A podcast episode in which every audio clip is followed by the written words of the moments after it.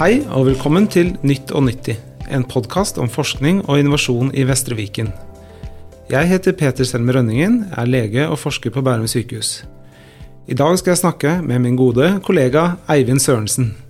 Eivind jobber som overlege eh, på hjerteseksjonen her på Bærum sykehus, og forsvarte nylig sin doktorgrad som handlet om utholdenhetstrening og atrieflimmer. Et spennende tema. Og for en av artiklene vant han også Vestre Viken sin forskningspris. Gratulerer med det, og gratulerer med eh, nylig avholdt doktorgrad. Og takk for at du kom til podkasten, Eivind. Tusen takk, veldig hyggelig å være her. Flott. Eh, din doktorgrad er en del av Birkebeinerstudiene. Kan du begynne med å fortelle litt om, om dem? Ja, Birkebeinerstudiene det er en studie med fokus på hva langvarig trening gjør med aldring og helse. Ble starta i 2009 eh, og har flere understudier. En av de tingene som man har sett eh, nærmere på, er det som vi har observert mye i mediene, at uh, det ser ut som de sprekeste av oss som trener veldig mye, også er utsatt for å få hjerterytmeforstyrrelser. Så en kollega her på Bærum som heter Marius Myrstad, undersøkte det i sin doktorgrad i 2014. og blant disse ivrige mosjonistene som er deltakere i Birkebeinerstudien, så ser vi faktisk at de har en økt risiko for å utvikle atrieflimmer da, som samsvarer med antall år de har trent utholdenhet, til tross for at de eh, har veldig få av de vanlige risikofaktorene som vi forbinder med forkammerarytmi, da, som er en hjerterytmeforstyrrelse hvor eh, forkamrene slår raskt og uregelmessig og, og gir økt risiko for, eh, for bl.a. hjerneslag. Da. Eh, så det er jo litt kontraintuitivt. Eh, at disse friske personene skulle være utsatt for mer hjerterytmeforstyrrelser. Så derfor så ønsket vi å se litt nærmere på det da i min studie som vi da kalte Birkebeiner 2. Ja, Så dere ville se nærmere på, på den, denne, denne, sammenhengen mellom, mellom, utholdenhetstrening og atrieflimmer, som du nå forklarte. Men, men eh, hva, hva er det som skjer med hjertet når man trener utholdenhetsidrett? Ja, det er, jo, det er jo flere ting. Hjertet er jo ekstremt uh, flink til å tilpasse seg den belastningen som, uh, som vi påfører. Uh, sånn at du ser at de som er aller sprekest, så vil hjertemuskelen vokse, og hjertet i seg selv også vokse. Fordi de som er sprekest blant oss, de trenger et veldig høyt minuttvolum for å prestere da, i motbakkeløp eller birkebeinerløp eller Tour de France eller denne type øvelser. Eh, og de har ikke noe høyere makspuls enn eh, resten av befolkningen.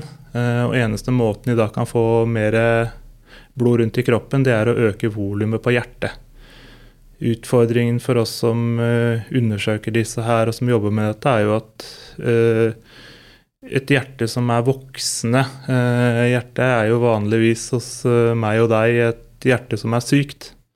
Eh, og det kan da være veldig utfordrende for oss å skille da en fysiologisk remodellering hos en idrettsutøver fra en sykdomsprosess. da. Så vi ønska å se litt mer på, på hvordan disse hjertene utvikla seg over tid hos birkebeinere, både med og uten hjerterytmeforstyrrelse. Mm.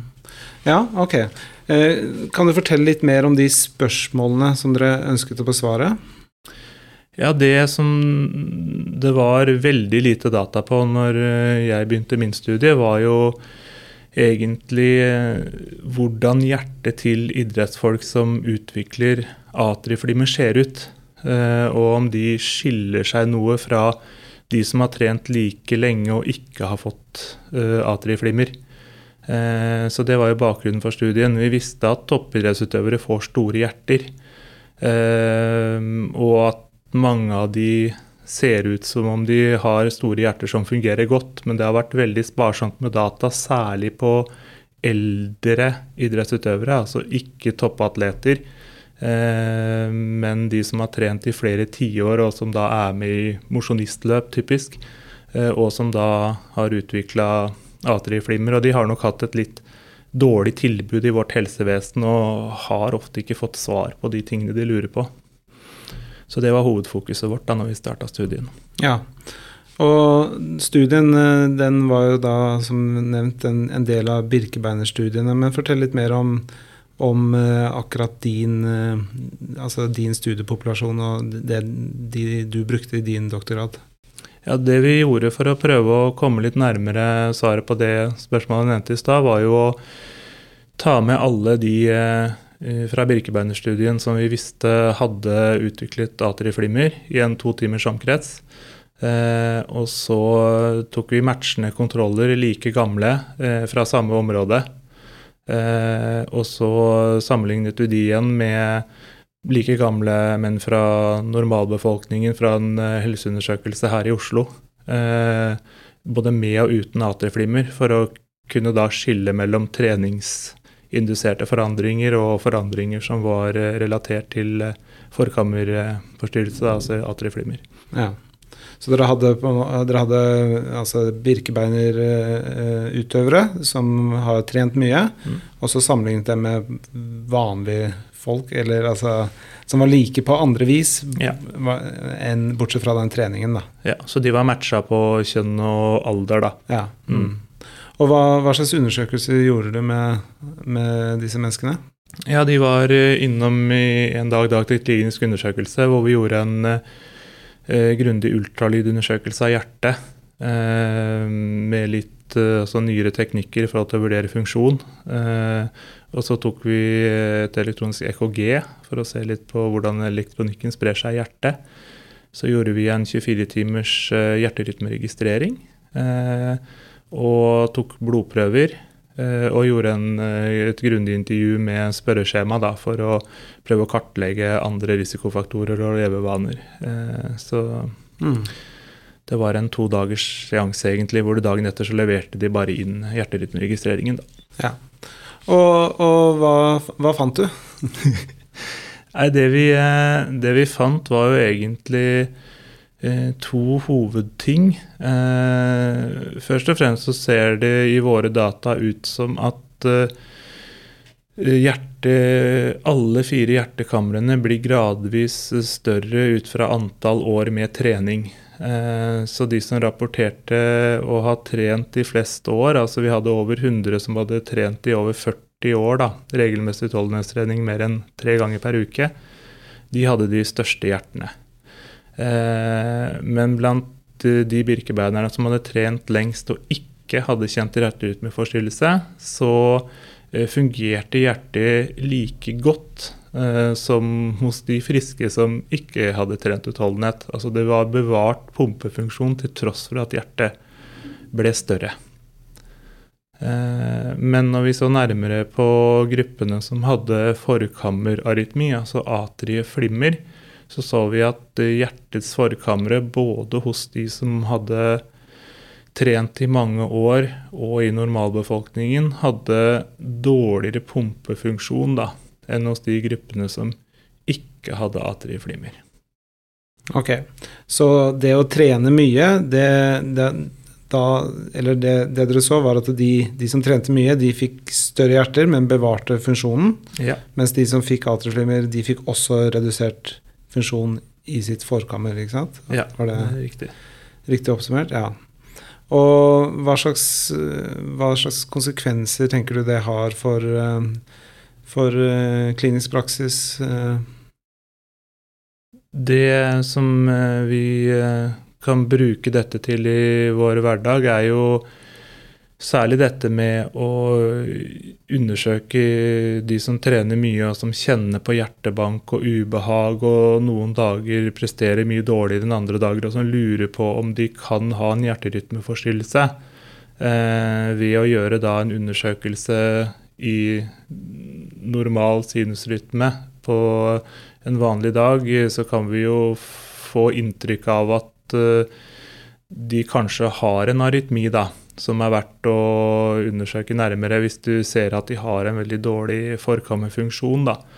Eh, så det vil jo være den direkte verdien av resultatene våre. Eh, I tillegg til at det har vært veldig lite data på godt voksne som har trent lenge. Eh, og man har vært usikre på om det at de får store hjerter er et problem, og hvordan det utvikler seg over tid. Eh, og om funksjonen bevares. Eh, og da ser det i hvert fall på våre data ut som at det gjør den. Sånn at hvis du har et stort hjerte hos en som har trent i 30-40-50 år, eh, men funksjonen er nedsatt, så skal vi ikke ta det for et normalfenomen. Det ser ut som om også den gruppen atleter, også etter at de har slutta med sin hardeste trening, har bevart funksjon. da, I hvert fall i gjennomsnitt.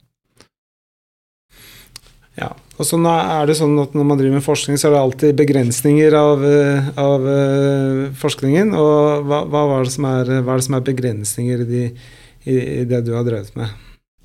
Hovedbegrensningen er jo at dette er en tverrsnittsstudie. Det betyr at alle deltakerne er undersøkt på ett tidspunkt.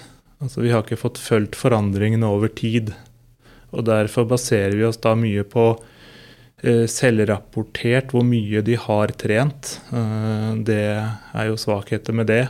Eh, og vi har heller ikke sett hvordan hjertene deres var før de begynte å trene utholdenhet. da. Så det veldig interessante her hadde jo vært å følge disse menneskene da 20-30-40 år kanskje til og med, og sett hvordan hjertets eh, funksjon og størrelse endret seg over tid, og når og hvem det var som utviklet hjerterytmeforstyrrelser, da, for å se på en måte mekanismene mer bak det hele. Mm. Mm. Så det å følge over tid, det, det vil være liksom neste, neste, steg, tenker du? Ja, det er jo det som er eh, som kan føre oss videre da, til å klare å svare litt mer på hvorfor det skjer, og kanskje forhindre at det skjer, mm. mer enn å bare identifisere de som har fått det, og behandle det bedre. Mm. Men som selvfølgelig vil være mer krevende med tanke på ressurser også. Ja, det er jo en grunn til at ingen i verden egentlig har gjort langvarige oppfølgingsstudier av denne gruppen. Da. For det er klart hjerteforandringer det begynner allerede i tenårene i denne gruppen. og Ofte får de ikke hjerterytmeforstyrrelse før etter veldig mange år utholdenhetstrening. Mm.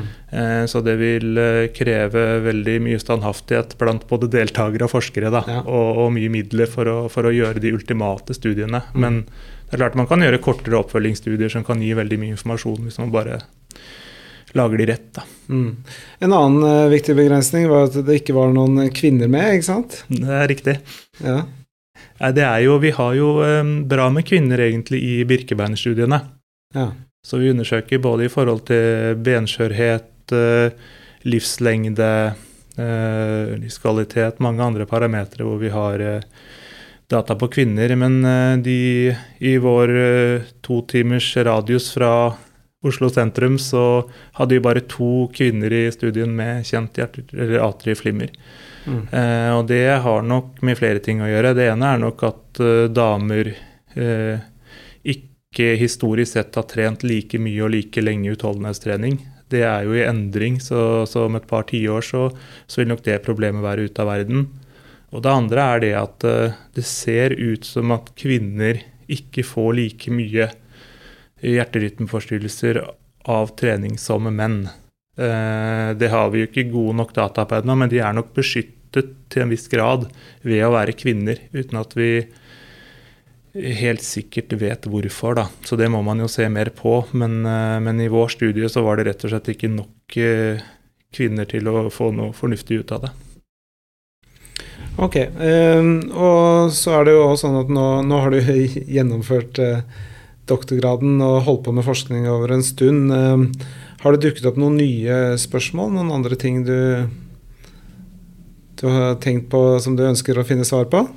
Jeg var jo litt inne på det i stad. Så det er jo det hvorfor skjer dette her hos uh, disse friskeste av de friske. Det er jo mekanistisk veldig uh, spennende og kan kanskje også gjøre at vi forstår hjerterytmeforstyrrelser bedre, som vi kan bruke i klinikken for øvrig. Uh, så det neste nå er jo å prøve å designe disse studiene som, som følger idrettsutøvere over tid. da eller ivrige mosjonister over tid. Eh, og da har vi eh, her på Bærum eh, startet en internasjonal multisenterstudie da, som følger både vanlige folk og de som trener mest blant oss, over tid med kontinuerlig hjerterytmeovervåkning, belastningstester, ultralyd. Eh, veldig ambisiøs eh, studie eh, som er godt i gang, eh, og som jeg håper og tror kan hjelpe oss videre med å skjønne litt mer om mekanismene bak dette fenomenet. Ok, ja, men det var interessant å høre om. Eh, da gjenstår det egentlig bare å si takk for at du kom til podkasten, Eivind, og lykke til videre. Tusen takk for at jeg fikk være her og prate litt om favorittemaet mitt. Lykke til videre med arbeidet ditt her på podkast. Takk.